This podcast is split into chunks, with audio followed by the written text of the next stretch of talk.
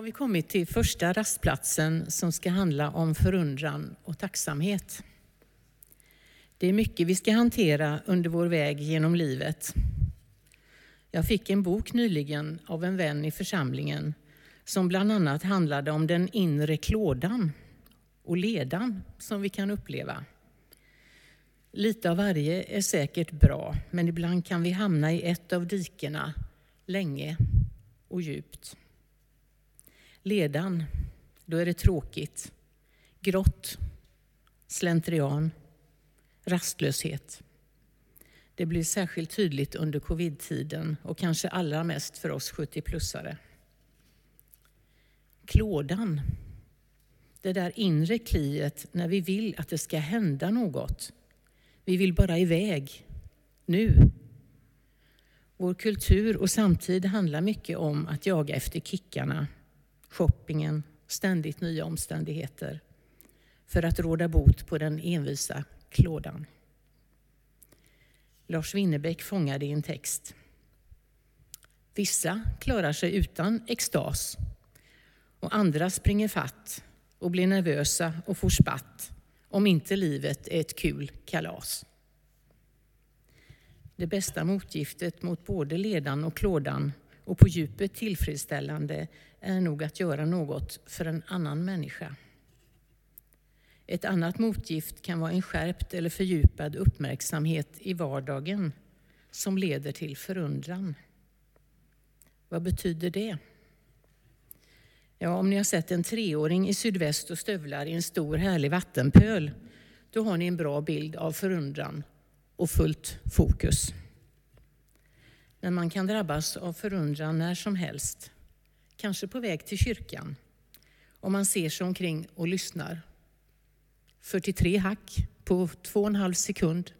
Och där sitter den, vackert röd, vit och svart med sin specialupphängda hjärna. Hackspetten. Naturen är full av fascinerande livsformer.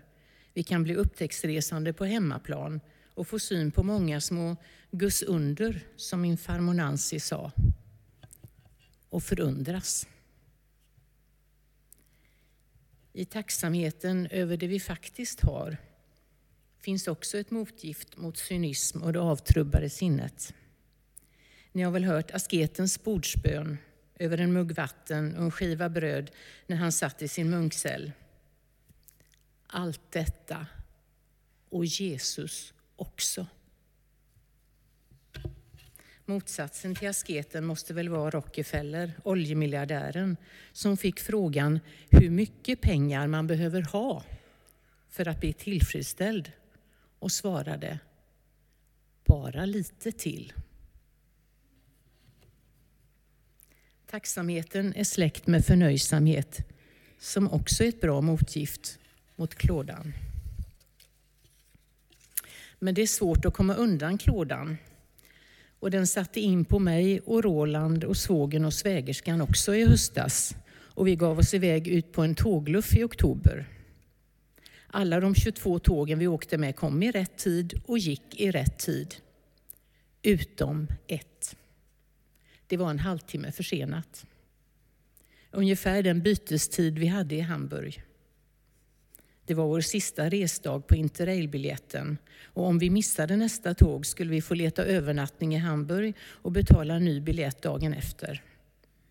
Ingen katastrof kanske, men obekvämt och dyrt. Vi hoppades att tåget skulle köra in tid, men ju närmare Hamburg vi kom, desto nervösare blev vi. Vi trängdes till slut med andra stressade passagerare vid tågdörren Svägerskan frågade en dansk vilken av alla perronger tåget till Köpenhamn brukade komma in på. Nummer 11, svarade han. Vi var på väg in på nummer 9. Vad gör man när man tappat kontrollen och känner sig utelämnad? Jag knäppte händerna och bad. När tåget till sist stannade hade vi tre minuter på oss. Vi var överens om att i alla fall försöka och greppade packningen och sprang, eller ja, 70 plus jogging blev det ju, upp för en lång rulltrappa, en bra bit på våningen över. Det står i Bibeln om misströstan och jag kände känslan och började klumpigt ta mig ner för rulltrappan till elvan. Då ser jag att vårt tåg faktiskt står kvar. Att det bildats en liten kö som konduktören gör allt för att knö in så att han kan stänga. Och med uppbådande våra sista krafter snubblar vi in bakom siste man i kön innan dörren reglas. Tysta letar vi upp våra platser i tåget. Men jag känner att det börjar bubbla inombords. Och när vi sjunker ner i sätena får vi ett kollektivt skrattanfall av lättnad och tacksamhet. När vi skrattat färdigt är det bara att knäppa händerna och tacka. En seg liten kö, så fyndigt av vår Herre. Ibland får man bönesvar så där tydligt och bums. Ibland inte alls, vad man kan förstå. Och ibland kan det vara lättare att upptäcka ett bönesvar i backspegeln när man inte får det svar man har tänkt sig. Och det kanske dröjer ett tag.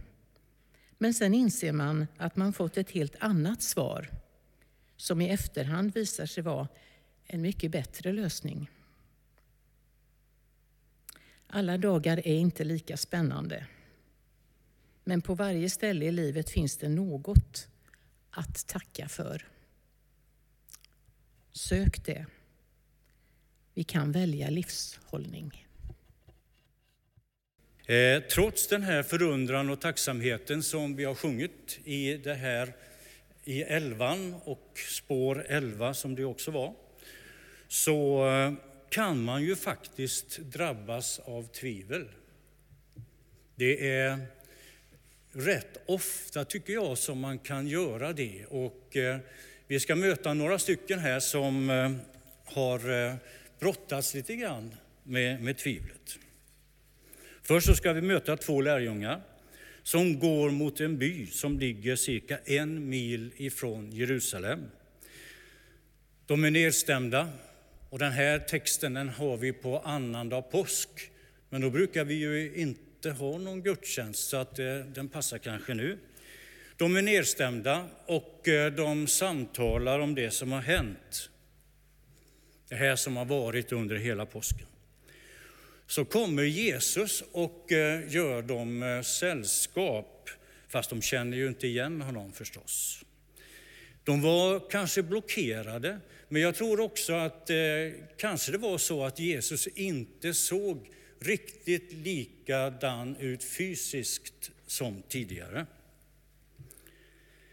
Vad är det ni pratar om, säger Jesus. Och så suckar de här två och så säger de, Alltså, du måste ju vara den ende som har varit i Jerusalem och inte vet vad som har hänt där under de här dagarna. Och så berättar de hela påskdramat för Jesus. Det är ju bra att Jesus också är en bra lyssnare, tycker jag. Men sen efter ett tag så säger Jesus, förstår ni så lite? Är ni så tröga till att tro? Och så börjar Jesus att undervisa allt ifrån Mose och framåt. Bibelns röda tråd. Och så tyckte de att det här var så intressant så de ville ha Jesus kvar, fast de fortfarande inte visste vem han var.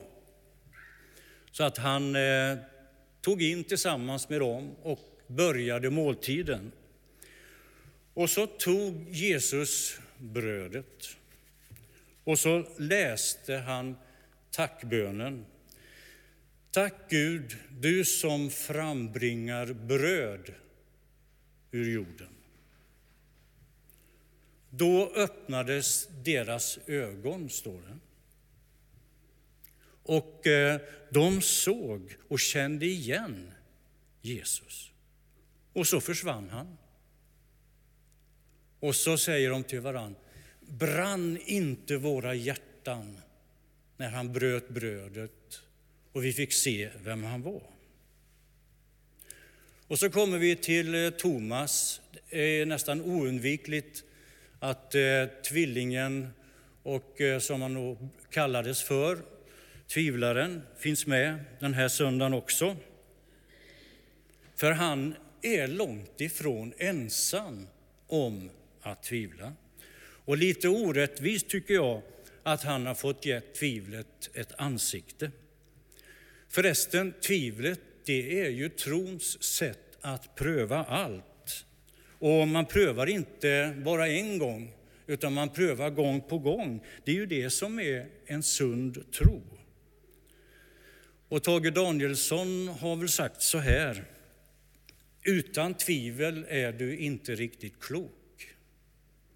Och den meningen kan man ju fundera lite på. Jag tror att det ligger mycket mer i den än vad man ser i, bör till, i början på när man hör den. Det är ju otron som är motsatsen till tro, inget annat. Att det här med att vara fullständigt likgiltig och förneka Guds verk, hela frälsningshistorien, det är ju motsatsen till tro.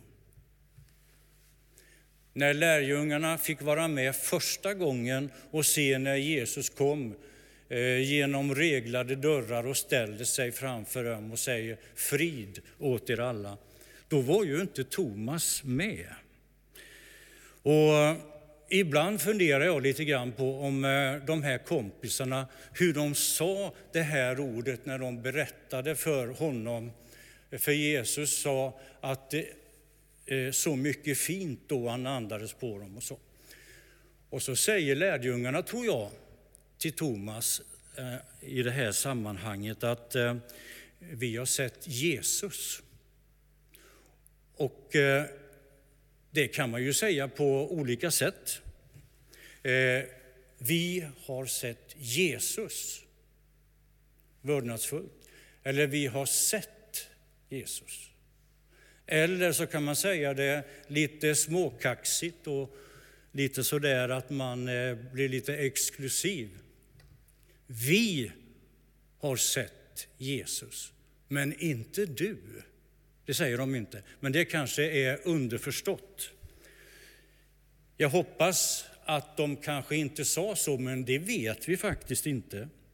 Men när Jesus kommer för andra gången genom väggar och ställer sig där och säger frid åt er alla, så handlar det om de som tror och de som tvivlar, alltså alla. Och Thomas får känna efter i spikhålen. Han får känna efter i sidan. Och jag kan se honom framför mig, kanske lite trevande. Hur ska jag göra det här? Det är ju fantastiskt att han får göra det och att eh, Jesus ger honom en särskild upplevelse, en särskild lektion i trons svåra konst. Min Herre och min Gud, säger Thomas. Min Herre och min Gud.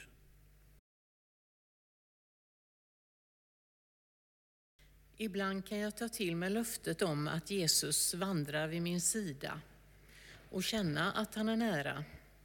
Men ibland känns han bara långt borta. Ska jag gå på löfte eller känsla? Ska jag tacka eller ifrågasätta? Om jag känner mig bortglömd eller vandrar i mörker så behöver vi prata om det, Gud och jag. Mose, som vi läste om i början av gudstjänsten, kämpar med att hitta vägen genom öknen. Han klagar högljutt inför Gud och det gör David också när han känner sig övergiven.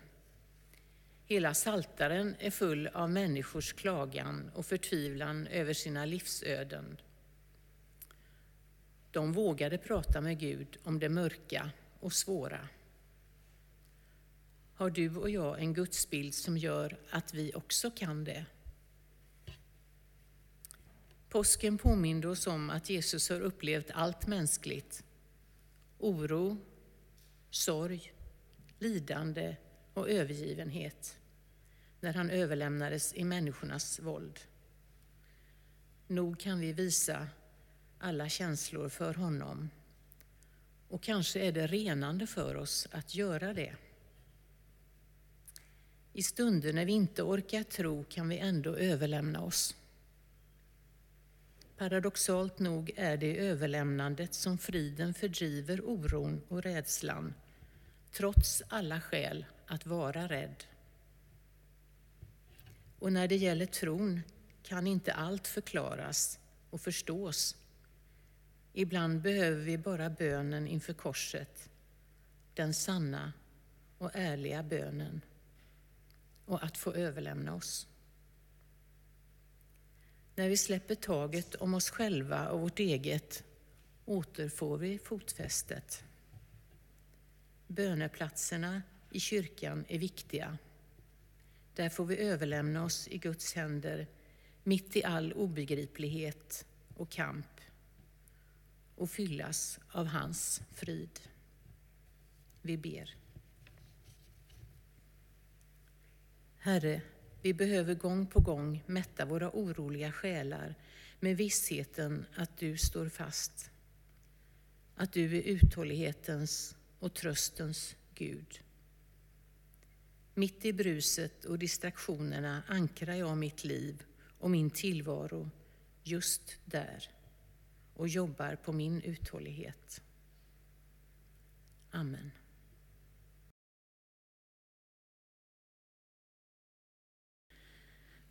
Och nu är vi på rastplats tre som handlar om tillit. Ovissheten är en del av de mänskliga villkoren och något vi måste lära oss att leva med. Men ovisshet är jobbigt, att inte ha kontroll på tillvaron. Rädslan kryper på ibland och den är närbesläktad med kontrollsjukan. Ju räddare vi blir, desto hårdare håller vi i det vi kan styra och äga. Vi söker visshet för att bli tryggare. Men kanske är det inte visshet som gör oss tryggare, utan tillit. Tillit, det är ju ett ord som man kan läsa antingen från vänster till höger eller från höger till vänster, så blir det tillit oavsett hur man läser. Och det kanske bäst kan illustreras av eh, en övning som vi har gjort på Konfa några gånger. Jag tror till och med vi gjorde det på en högtid någon gång. Då går någon och ställer sig i mitten och så är det människor i ring runt omkring. Och sen ska man våga att släppa taget och så bara köra runt i ringen och att de tar emot. Alltså, det kan ju kännas nästan livsfarligt att göra det. Det räcker ju att det är någon som är lite ouppmärksam så ligger man där på stengolvet. Men eh, alla klarade ju det här och man kände att vad skönt, jag kan lita på mina kamrater. Och under livets gång så får vi nog öva oss och våga känna den här tilliten till Gud. Vågar jag lita på Guds löften? Vågar jag ta den här vägen i livet? Vågar jag skippa alla mina garderingar och falla i Guds armar? Gud har ju lovat att vara med oss alla dagar till tidens slut. Och när Jesus säger jag är vägen, sanningen och livet, vågar jag lita på det fullt ut? Jesus säger att han är den gode herden. Det måste väl ändå betyda att han är med mig hela tiden och bär mig när jag behöver det. Och han eh, befriar oss när vi har strulat till det. Och det finns alltid en väg tillbaks. Det är aldrig kört. Brukar ni titta på Mästarnas mästare på söndagskvällarna? Kan jag få se några nickningar och några huvudskakningar kanske? Eh, det var stadsorientering i söndags. Det gällde i stadskärnans labyrint att hitta sju kontroller. Sju, det kanske är en tanke för oss som vet att Guds tal, det är sju. Men jag tror inte att Mikael Leineborg tänkte på det när han gjorde ordning den här orienteringen. Och där fanns det alltså genvägar, omvägar, vägar med utsikt och med översikt. Och naturligtvis fanns det också återvändsgränder, precis som eh, i livet i övrigt. Och jag kom på mig att jag tänkte på det när någon kom in till de här eh, återvändsgränderna så tänkte jag på en gammal sång som vi sjöng när jag var väldigt liten. Den här spärras din väg av hinder så väldiga och utav berg som där skyhöga stå. Räkna med Gud, för han gör det omöjliga. Han gör vad människor inte förmår. Och dessutom höll ju van der Poel på att hoppa över en liten mur och hamna i avgrunden. Ja, på vägen i livet så möter vi ju rätt så mycket saker. Ibland så hamnar vi på omvägar. Och det är ju faktiskt så att eh, om vi går en omväg eller hamnar på den så kanske vi möter sånt som vi aldrig skulle varit i närheten av om vi inte hade tagit den här omvägen eller genvägen. Thomas Tranströmer eh, sa ungefär så här. Om vi inte gått vilse hade vi inte fått se den här fantastiska gläntan i skogen. Och den tycker jag är rätt fin. Eh, omvägar är också livet i allra högsta grad. Och vi får eh, lära oss att leva på livets väg hela livet. Och vi har ju fått ganska många eh, hjälpmedel till det här. Jag tror att sinnesrobönen är ett av de hjälpmedlen. Det står här på väggen faktiskt, men man får titta lite speciellt för att få fram den längst upp där. Jag tror att den bönen är direkt ifrån Gud. Alltså Gud, ge mig sinnesro att acceptera det jag inte kan förändra. Mod att förändra det jag kan och förstånd att inse skillnaden. På den förra rastplatsen så fick vi lätta på sånt som var tungt i vår eh, ryggsäck som vi kanske bär med oss i livet. Och på den här rastplatsen så får vi plocka bort ytterligare saker som skaver.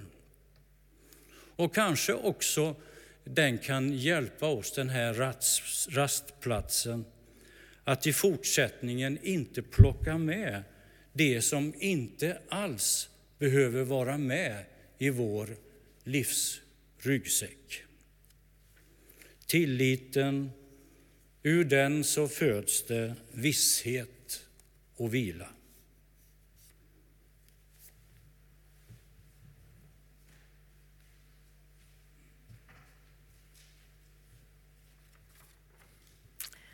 Och så, så landar vi på den fjärde rastplatsen, framtid och hopp.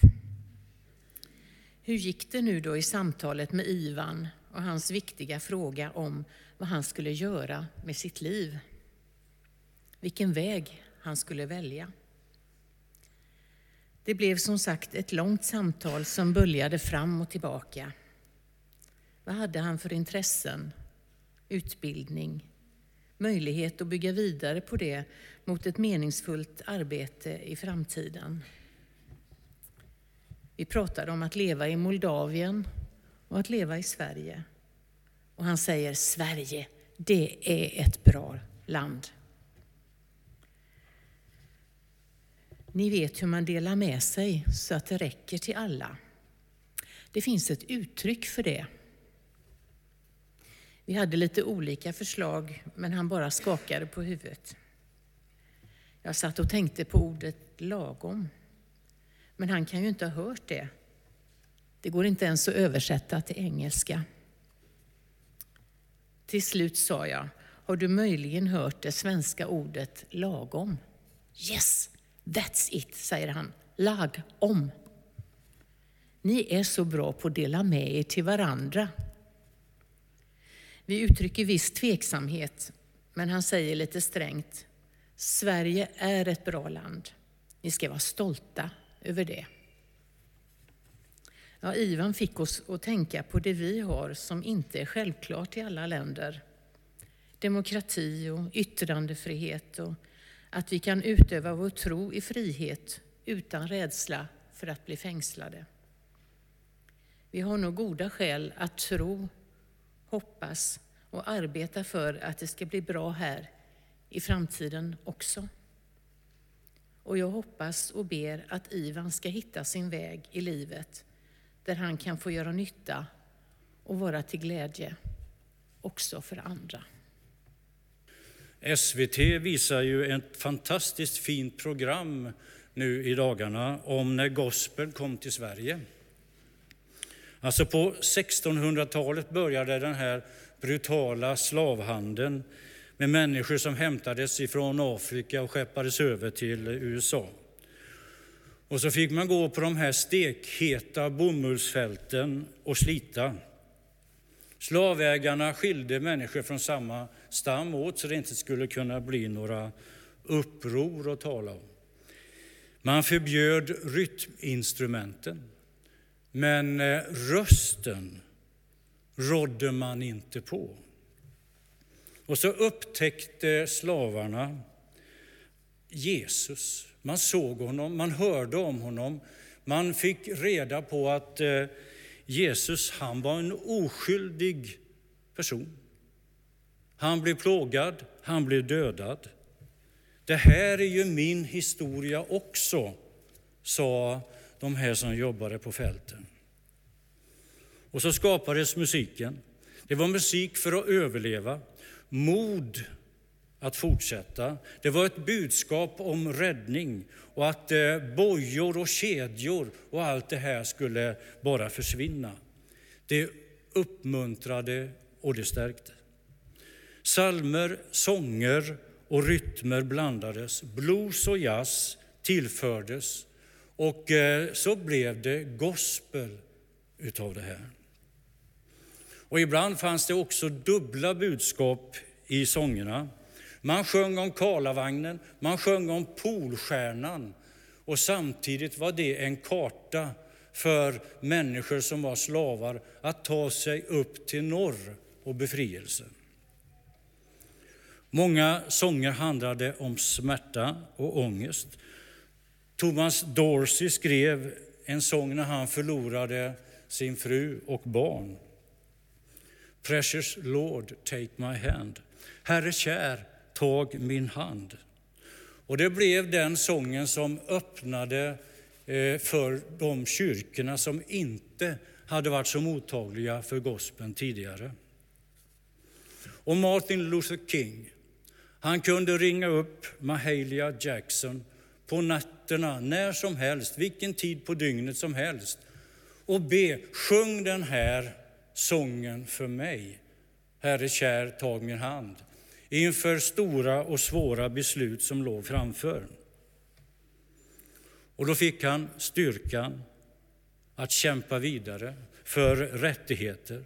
Och han kunde inför de här stora människomassorna kunde han hålla sin fantastiska predikan att han hade varit uppe på berget.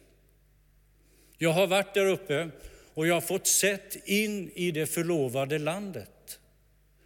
I still have a dream. Precis som eh, Mose hade fått varit inne, varit på berget, han hade fått se in i det förlovade landet, men han fick inte komma dit. Och lite så var det väl för Martin Luther King också. Men han hade i bön fått visioner inför framtiden. Och eh, alldeles strax kommer vi att sjunga välsignelsen tillsammans. Och så kommer vi att få lyssna till eh, Amazing Grace. Den är skriven alltså av en slavhandlare. Det är ju lite speciellt att han kunde få skriva den. Eh, hans båt gick i kvav, men alla klarade sig. Alla överlevde och då skrev han den här Amazing Grace. Det blev helt livsavgörande för honom och många och för oss också som lever nu betydligt senare har den betytt jättemycket. Och när vi rör på oss på livets stigar, ibland är det obanad, väglöst land, så är vi faktiskt inte ensamma och övergivna. Herren är alltid med oss och hans nåd är ny för varje dag. Amen. Herre, tack att din nåd är ny för varje dag. Vi har det idag och vi får det imorgon när vi vaknar upp till en ny vecka. I Jesu namn.